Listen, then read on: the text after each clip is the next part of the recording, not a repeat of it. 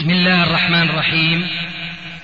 الحمد لله والصلاة والسلام على رسول الله أما بعد. فهذا أحد أشرطة سلسلة الهدى والنور من الدروس العلمية والفتاوى الشرعية لشيخنا المحدث العلامة محمد ناصر الدين الألباني حفظه الله ونفع به الجميع. قام بتسجيلها والتأليف بينها محمد بن أحمد أبو ليلى الأثري. إخوة الإيمان والآن مع الشريط الواحد والعشرين بعد المئة الخامسة على واحد. فأقول مفتتحا بخطبة الحاجة التي كان رسول الله صلى الله عليه وآله وسلم يعلمها أصحابه. إن الحمد لله نحمده ونستعينه ونستغفره ونعوذ بالله من شرور أنفسنا ومن سيئات أعمالنا. من يهده الله فلا مضل له ومن يضلل فلا هادي له. وأشهد أن لا إله إلا الله وحده لا شريك له. وأشهد أن محمدا عبده ورسوله. أما بعد فإن خير كلام كلام الله وخير الهدي هدي محمد صلى الله عليه وآله وسلم وشر الأمور محدثاتها وكل محدثة بدعة وكل بدعة ضلالة وكل ضلالة في النار. إن كثيرا من المجالس العلمية التي تقام في مثل هذا المكان الواسع الرحب يبقى الناس جالسين بعيدين بعضهم عن بعض. وعلى الرغم من أن هذه الصورة من الجلوس كما ستسمعون خلاف النصوص الشرعية فهي فيما يبدو لي توحي شيئا من ما لا يتناسب مع الأدب الإسلامي الذي يحب يحض على التواضع. وبخاصة من ابتلي بأن يتصدر المجالس. فحينما يجلس هذا المبتلى بتصدر المجلس ويجلس الناس الآخرون الحاضرون بعيدين عنه فكأن هذه الجلسة توحي شيئا من الجلالة والعظمة التي لا تليق بأي مجتمع إسلامي أو جلسة إسلامية. لا شك أن هذه الكلمة هي من باب تعليل ما ستسمعونه من توجيه كريم من أحاديث صحيحة جاءت عن النبي صلى الله عليه وآله وسلم. هناك مثلا حديث في صحيح مسلم ينهى الجالسين في المسجد أن يتفرقوا إلى حلقات حلقات حيث أن النبي صلى الله عليه وآله وسلم دخل المسجد ذات يوم فرأوا هكذا متفرقين إلى حلقات فقال لهم ما لي أراكم عزين ما لي أراكم عزين. أي متفرقين. ولا شك أن جلستنا هذه ومثيلاتها كثر والحمد لله. وإن كان الأمر يتعلق في كثير من الأحيان بالصحة والقوة والنشاط. فهذه الجلسات هي دائما تكون فيما نسعى إليه وفيما نرجو أن تكون خالصة لله وفي سبيل الله. فحينئذ ينبغي أن نضفي على مثل هذه الجلسة كتلك الجلسة التي تقام في بيوت الله تبارك وتعالى. ولعل الحديث الصحيح الوارد في صحيح مسلم أيضا الذي ينص بقوله عليه السلام ما اجتمع قوم في بيت من بيوت الله ولم يقل في مسجد من المساجد لعل التعبير في هذا الحديث في بيت من بيوت الله أشمل مما لو قال عليه الصلاة والسلام في مسجد من المساجد. فحينئذ نرجو أن يكون بيتنا هذا أو بيتكم هذا مما يشمله هذا الحديث الصحيح. ما اجتمع قوم في بيت من بيوت الله يتدارسون كتاب الله يتلون كتاب الله ويتدارسونه بينهم إلا حفتهم الملائكة وغشيتهم الرحمة ونزلت عليهم السكينة وذكرهم الله في من عنده.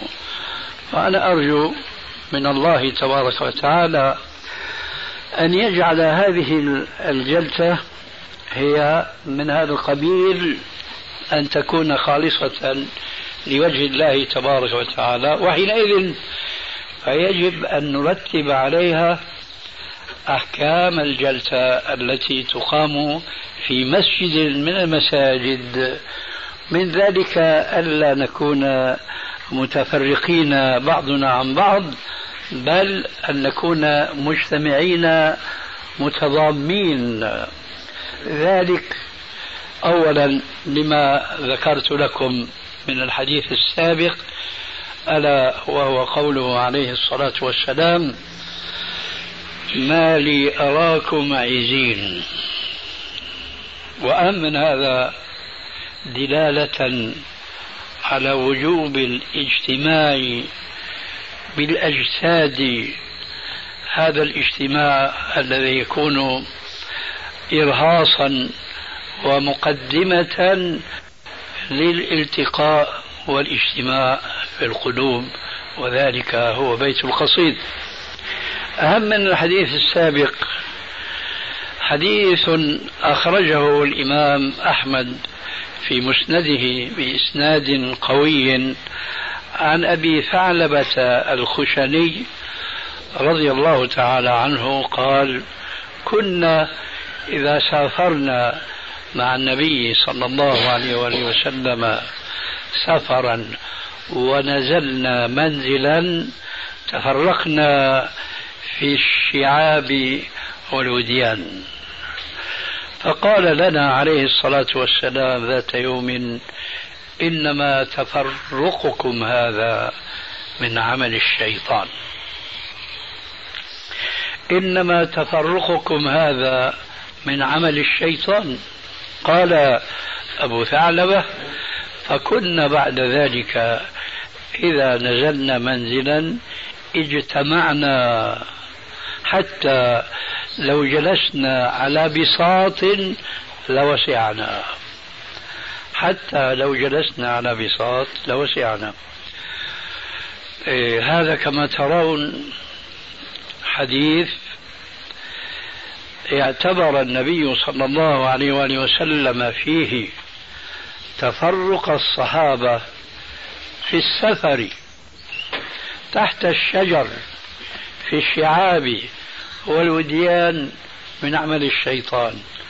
فكيف يكون شأن مثل هذا التفرق إذا كان في مسجد من مساجد الله أو في بيت من بيوت الله يتلى فيه كتاب الله ويتدارس لا شك أن هذا التفرق في مثل هذا المجلس يكون شرا من ذاك التفرق في المنازل في الصحراء في الشعاب والوديان الذي وصفه الرسول عليه الصلاة والسلام بأنه من عمل الشيطان.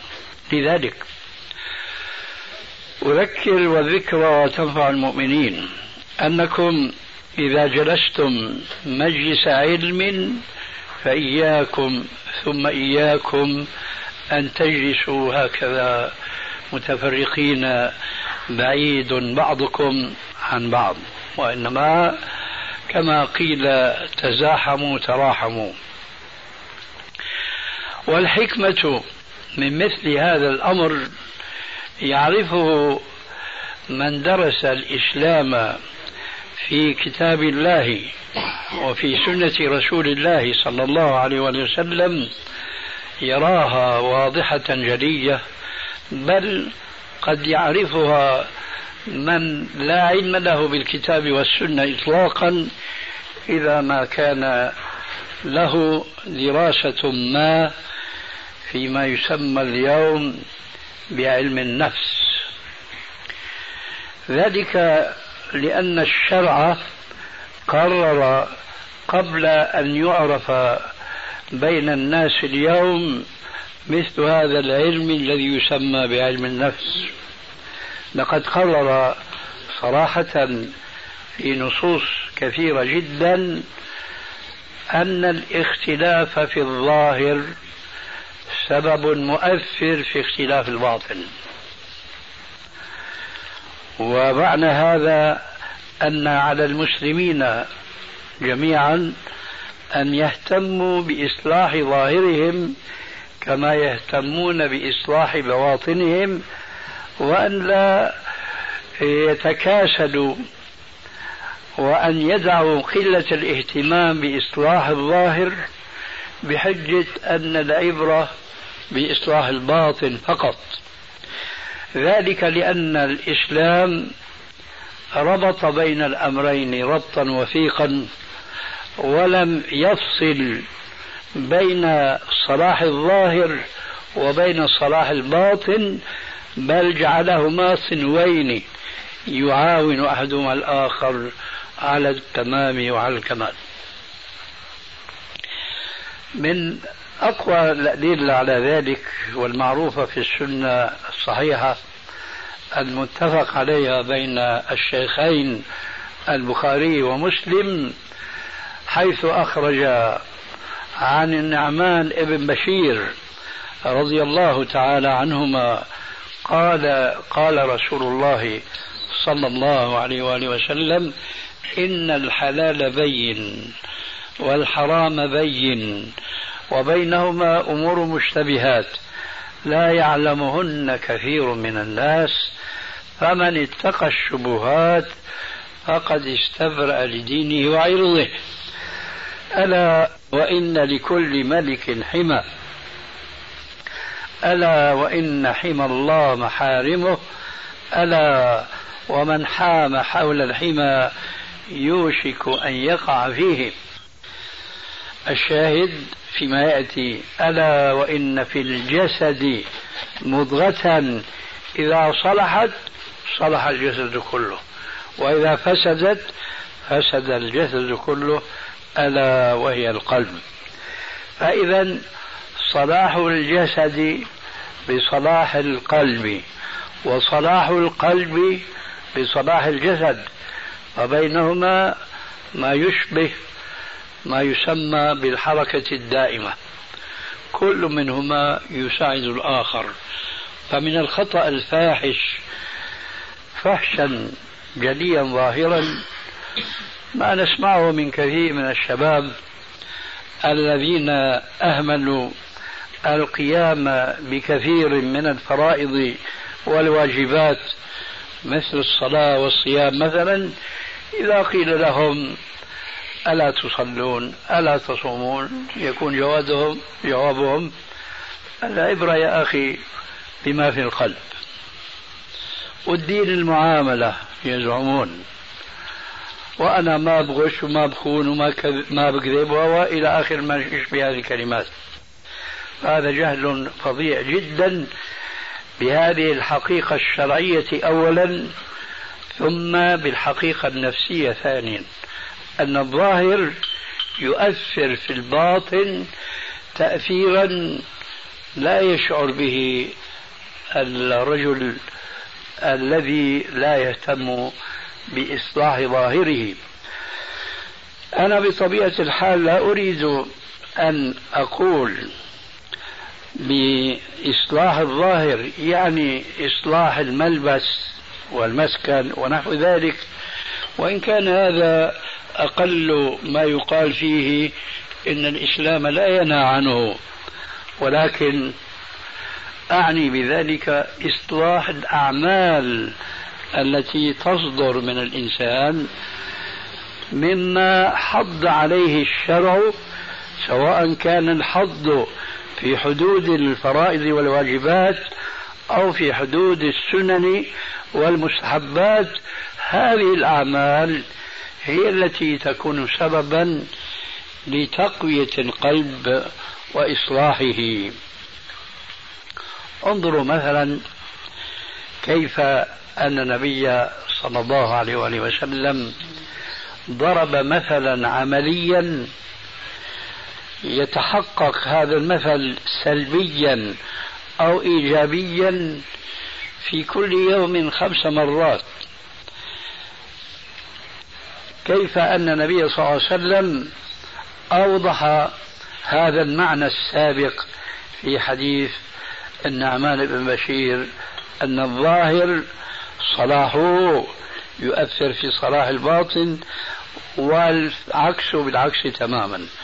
ذلك أن النبي صلى الله عليه وآله وسلم كان من سنته التي كان يهتم بها. حينما تقام الصلاة في المسجد ألا يباشر بتكبيرة الإحرام إلا بعد أن يأمر بتسوية الصفوف. وكان أمره بعبارات عديدة والتي يهمنا منها الآن إنما هو قوله عليه الصلاة والسلام لتسون صفوفكم أو ليخالفن الله بين وجوهكم.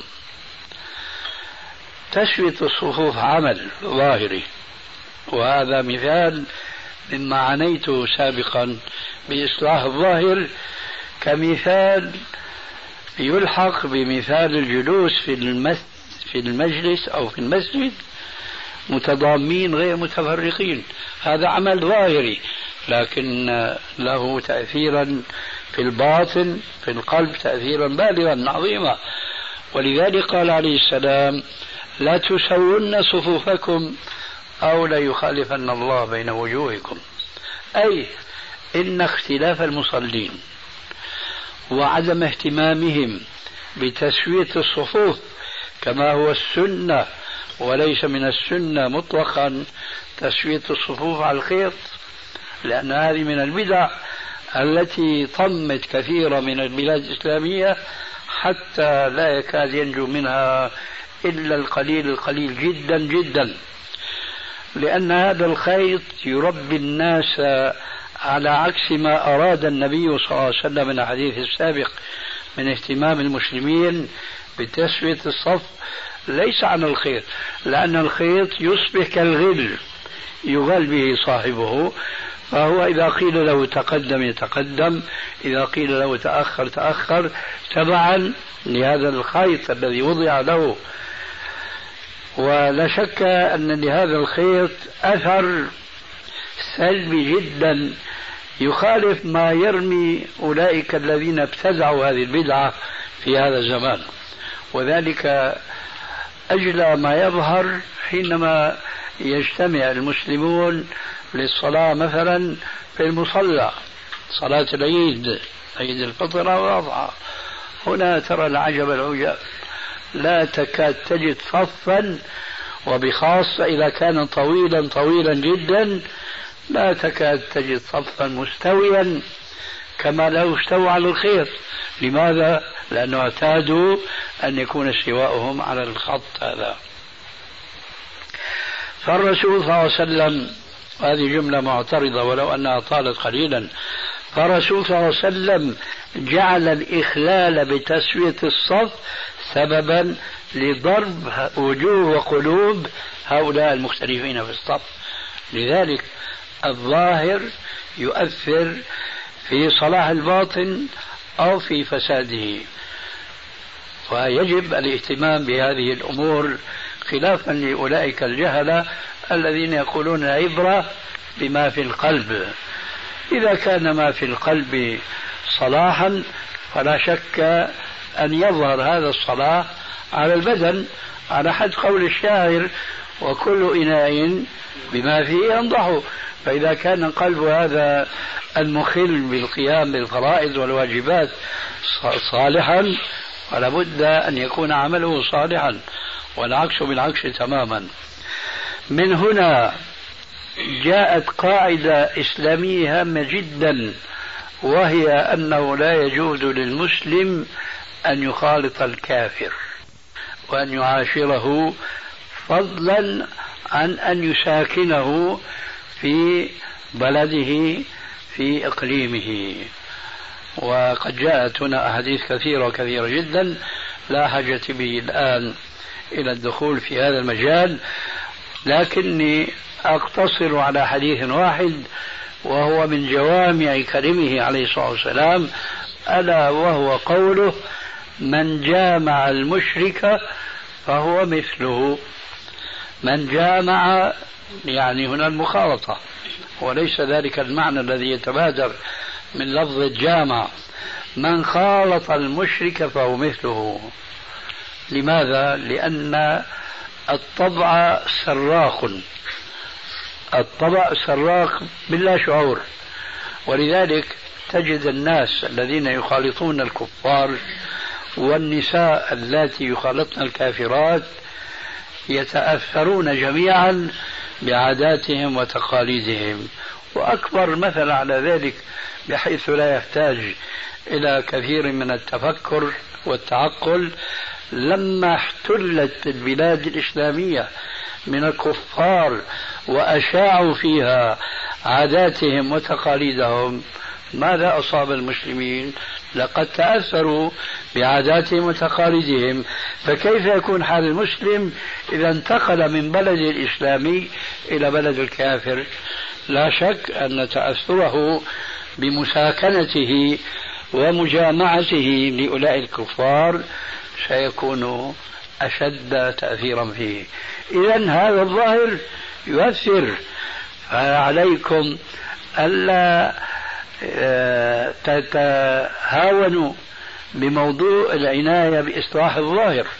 فإن إصلاح الظاهر أولا عنوان الباطن وسبب لإصلاح هذا الباطن. هذا ما أردت لفت النظر بمناسبة الاجتماع في مجلس العلم وعدم التفرق فيه. والآن إذا كان عندكم بعض الأسئلة فنسمعها إن شاء الله ونجيب عما تيسر منها. بسم الله الرحمن الرحيم. والحمد لله رب العالمين والصلاة والسلام على رسول الله محمد صلى الله عليه وسلم وعلى آله وصحبه. ومن اهتدى بهدي وسنته بإحسان يوم الدين. وبعد. يا شيخنا أولا أحييك وأبلغك السلام من إخوة شباب الصحوة الإسلامية في ليبيا. وقد بعثوني لي بسؤال مهم. وهو سؤال واحد ولا أسئلة؟ لا سؤال واحد هو. مبين جماعة بخلة آه. ليس وعندني أسئلة غيرها يعني. طيب. آه هي طبعا آه، حالة شباب الصحوة في ليبيا. يعني آه، حالة الشباب يعني حالة صعبة جدا. ف فيحاربها في بجميع الوسائل. أمثلة مثلا ممنوع اللي يصلي خمس صلوات في المسجد بالذات صلاة الفجر يعطي المراقب يلبس اللبس العربي. هو يعني موظف؟ نعم. موظف في الدولة؟ لا قصدي الشباب العامة في المساجد. صورة عامة. صورة عامة في ليبيا كل. يعني اللي يصلي في المساجد يعطي المراقب الله أكبر. وبالذات اللي يطلق اللحية. الثاني انه يلبس لبس العربي. وبالذات يعني إذا كان رأوا منه آه، إزار وشيء من هذا. يعني على أثار السنة فهو يعتبر مشبوه وأي علامة تدل أنه من شباب الصحوة أو شباب السنة فالقبض عليه في السجن. ويوجد حاليا في السجن آلاف منهم منهم مشايخ. آه، الأشرطة الإسلامية ممنوعة الكتب الإسلامية ممنوعة التحدث في الدين ممنوع. آه، تدعي شاب مثلا حتى للصلاة مثلا ممنوع. الدروس في المساجد ممنوعة. الخطبة في صلاة الجمعة ففي هذه الحالة أصبح يعني آه، أي شبهة عليه أو يعرف حتى كان محلق لحيته ويعرف أنه من الصح الصحوة فيقبض عليه على الفور يعني. واقتحامات يعني في المدة الأخيرة في نهاية شهر ثمانية صارت في حملة وقبض أكثر من في طرابلس أكثر من خمسين شاب. في هذه الحالة من هذا الوضع المؤسف الشباب في كثير من حلق اللحية ومنهم من انتكس منهم من ضعف. وحارب يعني التقى كثير من خطاباته. يسلط الحروب من جوانب من بين الأهل. فيهدد بالقتل ويشوه الشباب ويصفهم بالزندقة. هؤلاء الذي عملاء أمريكا عملاء اليهود يريدون أن يقضوا على ديننا وكذا. فيدعي به أنه هو المنقذ المسلم أو القائد المسلم. في هذا الظرف الشباب قسموا إلى قسمين. قسم قال بوجوب الهجرة. آه، في هذا الظرف الصعب يعني لا يستطيع أن يعبد الله. إذا كان لبس لا يستطيع أن يلبس اللحية لا يستطيع أن حلقها آه، في المسجد محظور. بالذات حتى الوقوف أمام المسجد بعد الصلاة يعني ممنوع. فقال بوجوب الهجرة واستدلوا بآية الاستضعاف في الأرض. فالقسم الثاني قال بضرورة البقاء وقيام بالدعوة بأن الناس تحتاج إلينا وإمداد الأسرة. فصارت خصامات بيناتهم. آه، كثير منهم يعني مشاحنات كلامية. آه، أدت بال يعني انقطاع يعني الصلة بيناتهم. فهذا بعد الظرف يعني. نريد إجابتك على هذا السؤال يعني هل آه، آه، يعني يخرج من البلاد تحت هذا الظرف أم يبقوا ويعمل بأسباب معينة؟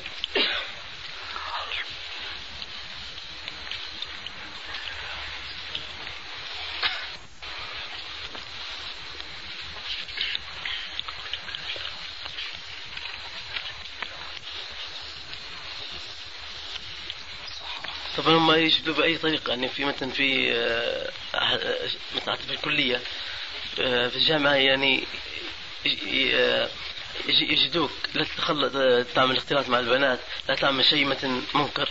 يعني في يعطوك مثلا أكيد أنت من شباب الصحوة أكيد أنت من السنة أكيد أنت من الزندقة.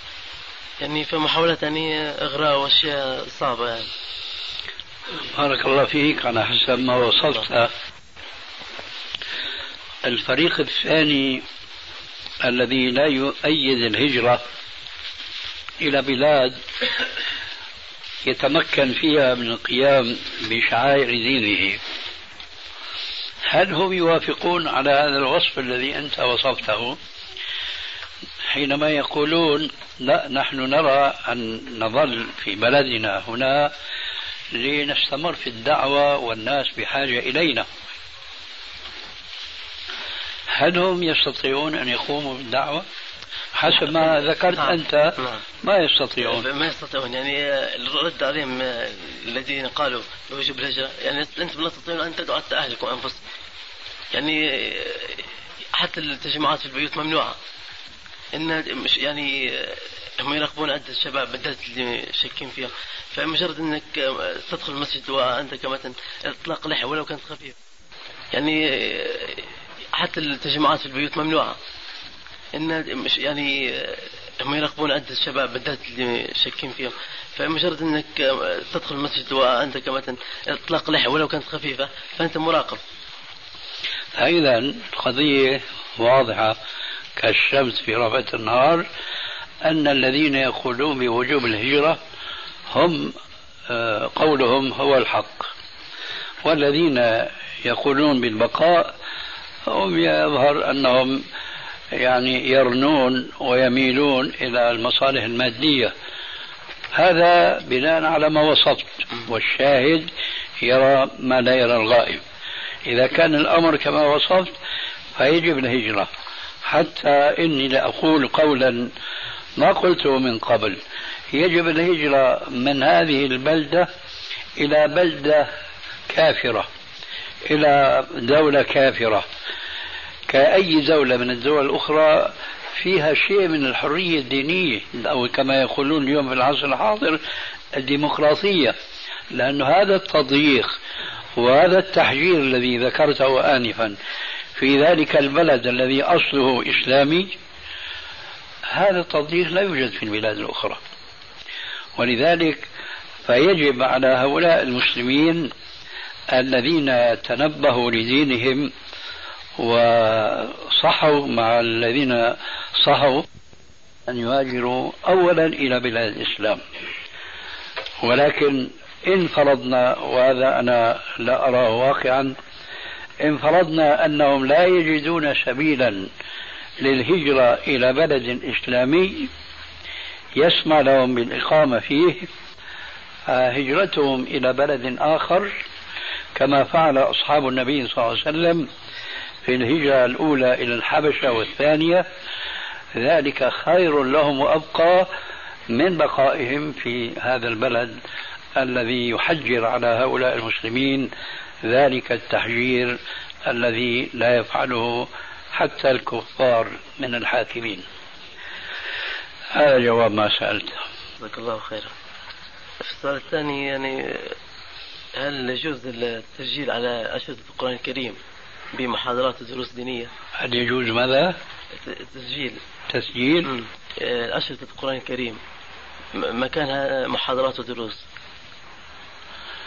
يعني شريط مسجل عليه قرآن آه. فيمحى فيمحى تسجل عليه دروس. ويسجل عليه شيء آخر هو الأولى لا شك المحافظة على هذا التسجيل القرآني لكن إذا كان صاحب الشريط رجل معيل وفقير ولا يجد هناك مالا يساعده أن يعدد الأشرطة فشريط للقرآن وشريط لمحاضرة دينية وأخرى علمية ونحو ذلك فلا بأس من ذلك. لأن هذا المحو ليس متجليا وليس ظاهرا بخلاف ما لو كان ظاهرا فحينئذ المسألة تصبح يعني أشد مخالفة للشرع هو في شباب كثير من ليبيا أن سجلوا عن أشد القرآن محاضرات بسبب نقص الأشرطة يعني. آه إذا أعطيتك الجواب بارك الله فيك السؤال الثالث الجهاد الأفغاني هل هو حاليا بالذات فرض عين أم فرض كفاية؟ لا يزال الجهاد الأفغاني واجبا كما كان من قبل بل أنا أعتقد أنه الآن أوجب مما كان من قبل. وعليكم السلام. ذلك لأن الجهاد تقريبا وصل إلى خطوته الأخيرة أو كاد. ولا يجوز يعني قطع المدد عنه سواء كان هذا المدد مالا أو أشخاصا أو أي نوع آخر. من المساعدات الواجبة شرعا. الآن هذه المساعدات أوجب حتى يصل هؤلاء المجاهدون على ما بينهم مع الأسف من خلاف. كان من آخر آثاره قتل الشيخ جميل الرحمن رحمه الله لكننا نحن لا ندري ولا نستطيع أن نحكم ونحن بعيدون عن الفتنة هناك. من هو الذي دفع هذا القاتل إلى قتل هذا الرجل الفاضل جميل الرحمن؟ المهم أن المجاهدين في أفغانستان لا يزال على المسلمين جميعا حكومات وشعوبا وافرادا لا يزال الواجب قائما عليهم حتى يصلوا إلى ما يهدفون إليه من القضاء على الطاغوت الشيوعي ثم إقامة حكم الإسلام في أفغانستان. كما يقولون وأرجو مخلصا أن يوفقوا إلى ذلك. والفرض العين هل يعني الأولى في الأولى مثلا بلاد الشرق الإسلامي تبدأ الأول ثم الغرب الإسلامي أم حتى المغرب في المغرب إيش الأول والثاني؟ يعني تاني. مثل أهل العراق يلبي يعني قبل مثل المغرب الإسلامي مثل في ليبيا أو الجزائر الأقرب فالأقرب شيخنا الأقرب فالأقرب الأقرب. فالأقرب للبلاد المعتدى عليها أو كذا. يعني الأقرب إلى البلاد المعتدى عليها فالأقرب وهكذا. يعني الذين يريدون أن يساعدوا الأفغان؟ أيوة هذا. لا هذا غير وارد. وقد يكون الأبعد مسافة هو أقوى مساعدة وقد يكون العكس بالعكس تماما. المهم على كل من يستطيع أن يساعد سواء كان قريبا من المنطقة أو بعيدا عنها. هذا هو جواب سؤالك؟ جزاك الله خيرا. السؤال الأخير هو الجهاز المرئي اللي هو التلفزيون. هل هو حرام في ذاته أم في المواضيع التي تبث يعني؟ يعني هل حرام كجهاز في ذاته يعني أم في المواضيع المحرمة يعني؟ لا أستطيع أن أقول نعم أو لا وإنما يجب أن نعلم حكم الصور والتصوير في الإسلام. هل الأصل فيها الإباحة أم الأصل فيها التحريم؟ فبناء على هذا الأصل يأتي الجواب عن بعض ما يتفرع عنه. الأصل في التصوير كما أظن أن الجميع يعلمون ذلك أنه لا يجوز لا يجوز تصوير شيء من مخلوقات الله عز وجل مما لها روح ويدخل في ذلك الحيوانات سواء ما كان منها ناطقا أو صامتا إلا ما اقتضته الحاجة الملحة أو الضروره فهنا حينما نقول آه، صور الفوتوغرافية هل هي جائزة أم محرمة؟ لا اصل نقول إنها محرمة إلا ما لابد منها كذلك التلفاز والتلفاز الحقيقة من المخترعات التي هي آه، من حيث تعلقها بالصور والتصوير هي من جهة أخطر وأشد تحريما من الصور الجامدة غير المتحركة لكن في الوقت نفسه هي إذا كانت مستثناة من التحريم هي أنفع من هذه الصور الجامدة. فإذا حكم التلفاز كحكم التصوير الفوتوغرافي وغيره. الأصل فيه حرام. فما كان يجوز لضرورة جاز سواء في التصوير الفوتوغرافي أو ما يتعلق بالتلفاز هذا التصوير المتحرك. الحقيقة أن الواقع الآن والمشاهد في كل بلاد الدنيا أن أكثر ما يعرض في التلفاز مضر مضر خلقيا ودينيا واجتماعيا وإلى آخره. نادر جدا جدا ما يمكن أن يعرض ويكون داخل في القاعدة التي أشرنا إليها التي تستثني بعض الصور من التحريم. وأنا أضرب على هذا مثالا مهما جدا لبيان أن التلفاز أنفع كثيرا من التصوير فيما يجوز القول بإباحته.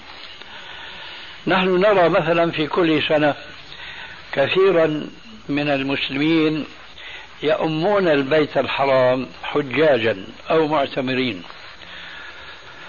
ولكن مع الأسف حينما يعودون وتتصل بأحدهم وتسأل كيف طاف كيف سعى كيف بات كيف وقف في عرفات إلى آخره والمزدلفة تجدهم يعني في منتهى الجهل بمناسك الحج. فأنا أقول لو استعمل التلفاز في دولة إسلامية تعنى باستعمال الوسائل التي خلقها الله عز وجل في العصر الحاضر واستعملت في الغالب فيما حرم الله أن تستعمل فيما شرع الله. فأضرب على ذلك مثلا لو أن التلفاز السعودي الذي يحكم البلاد المقدسة مكة والمدينة ونحوها لو عرض في التلفاز بيت الله الكعبة ورجل عالم فاضل يعلم الناس في كل بلاد الدنيا من أين يبدأ الطواف وأين ينتهي ومتى يذهب إلى زمزم ويشرب من هناك ثم يعود ليستقبل الحجر الأسود ثم يذهب ليقف على الصفا وإلى آخره. لا شك أن هذه أنا أقول من الصور الجائزة بل الواجبة.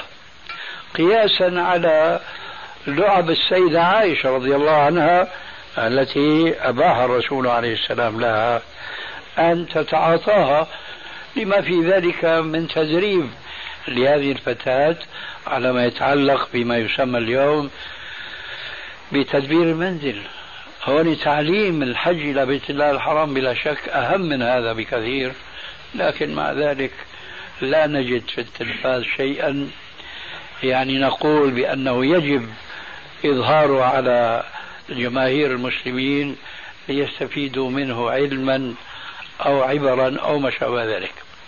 خلاصة القول التلفاز كالصور الأصل في كل منهما حرام لكن يجوز منهما ما تقتضيه الحاجة الملحة أو الضرورة. جزاك الله خير يا شيخ. وإياك. أيوة. نعم.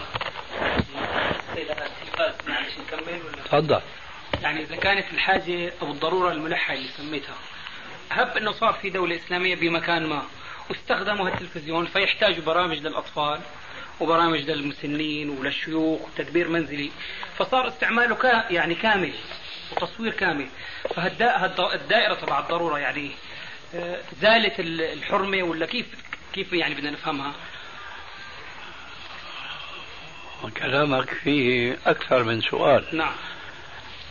خاصة لما ختمت الموضوع. لما قال تعالى حرمت عليكم الميتة والدم ولحم الخنزير إلى آخره حتى قال إلا ما اضطررتم إليه. فأكل مما حرم الله من الميتة ولحم الخنزير. في عندك إشكال أنه زال الحرام في هذه الحالة ولا لا؟ يأكل بقدر الضرورة. إذا شو معنى سؤالك الأخير؟ معنى سؤالي يعني الضرورة هي ضرورة الأطفال ضرورة. لسه ما حكمنا نعم. شو معنى سؤالك الأخير؟ أنه زالت الحرمة ولا لا ما زالت الضرورة يعني ما بقيت الحرمة. لما أكل من لحم الخنزير بقيت الحرمة؟ آه. الآن كأنه وضح ماذا تقصد وتعبيرك خطأ. بقيت الحرمة كقاعدة. نعم. لكن بالنسبة لهذا الآكل زالت الحرمة. بحقه يعني. صح؟ نعم. إذا كنت تعني هذا فنقول صح. بس الآن راح نرجع. لا تستعجل راح نرجع للتلفاز. نحن قلنا في في حدود الضرورة أو الحاجة الملحة. أنت ضربت أمثلة. منها الأطفال. نعم. ماذا سميت؟ ما يتعلق بالأطفال. برامج الأطفال. برامج الأطفال. طيب الآن نحن نقف عند هذا المثال. برامج الأطفال على ما يشمل هذا الكلام من معنى واسع. هذا ضرورة؟ ضرورة تربوية. يعني عفوا. هلا بدون قيد اللي ضرورة ولا مو ضرورة؟ بنظر إن بعض الناس وهي ضرورة مو بنظر الآخرين مو شرط تكون ضرورة يعني. يعني يجوز أنت ما ترى ضرورة. بارك الله فيك. أنت قلت ضرورة ولا مو ضرورة؟ برأيي ضرورة. برأيك ضرورة. طيب. هذه الضرورة من الذي يقدرها؟ الشرع. الشرع. نعم. آه من الذي يعرف الشرع العالم أم الجاهل؟ علماء الكتاب والسنة. إذا هذول اللي بيقدروا الضرورة مو أنت ولا غيرك. نعم. ما رأيك؟ هذول اللي بيقدروا أنت لا تخوض الآن في تفاصيل ون ون وندخل في الخيال. وين الدولة وين الدولة الإسلامية التي فرضتها؟ بحثك الآن كله فرضي. لأنه ليس هناك دولة اسمع ليس هناك دولة تتبنى الإسلام نظاما كاملا. وحينما توجد هذه الدولة نحن نعطي أجوبة آه، عامة. ما ندخل في هذه التفاصيل. نحن حينما نريد أن ندرس برامج الأطفال لا شك أننا سنؤلف لجنة مشكلة من علماء بالشريعة قبل كل شيء ثم من علماء بالتربية. وربما يكون هناك علماء من أجناس أخرى.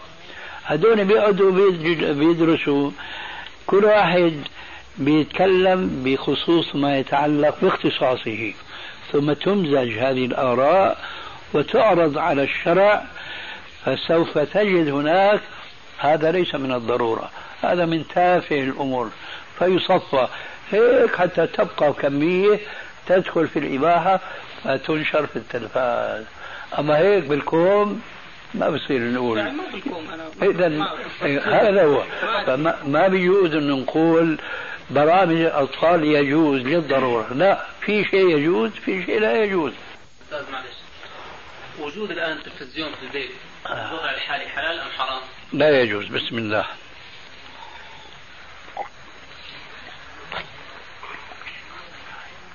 لأني أقول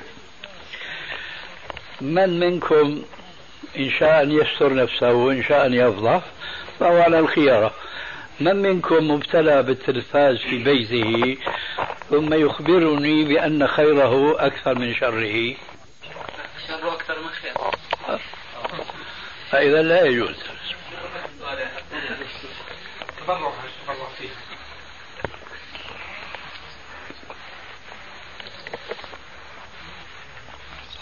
سقاك الله كوثرة غيره هاي الساعة عم بتمشي هذا انتبهوا تفضل شيخنا أسأل السؤال خارج عن نطاق التلفاز والأجهزة وما إلى ذلك، السؤال في إطار الأسرة.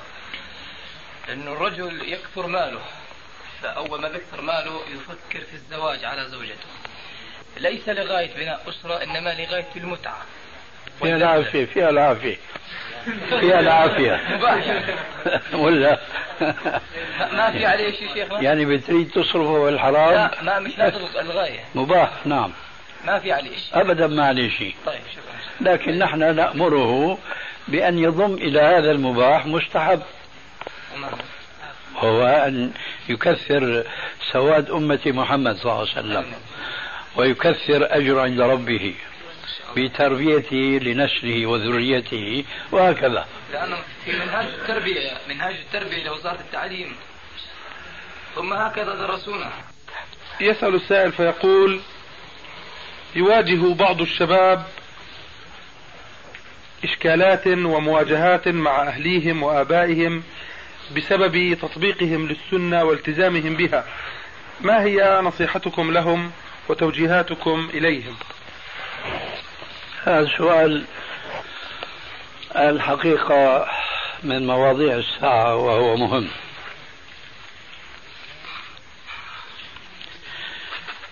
آه، لأنني بحكم اتصالي مع الشباب المسلم واتصالهم بي أعلم أن كثيرا من هؤلاء الشباب يخالفون الإسلام في معاملتهم لآبائهم بحجة التمسك بالسنة. ولذلك فلا بد من لفت نظر هؤلاء الإخوان الشباب الحريصين على التمسك بالسنة في كل بلاد الإسلام. فأقول أولا لابد من حصر الموضوع بين الابن ووالده ووالدته لأن للوالدين حقوقا لا يشاركهما أحد من الأقارب الآخرين. فالولد البار والذي يريد التمسك بالسنة ولا يجد مساعدا على ذلك من والديه. لا شك أن موقفه دقيق جدا. لهذا ألفت نظره إلى التقسيم التالي للسنة. السنة بالمعنى الفقهي هو ما كان دون الفرض أو الواجب ولا يأكلن أحدكم بيده اليسرى ولو لقمة واحدة. السنة بالمفهوم الفقهي هو ما كان غير فرض أو واجب على الخلاف آه، بين بعض المذاهب من التفريق بين الواجب والفرض.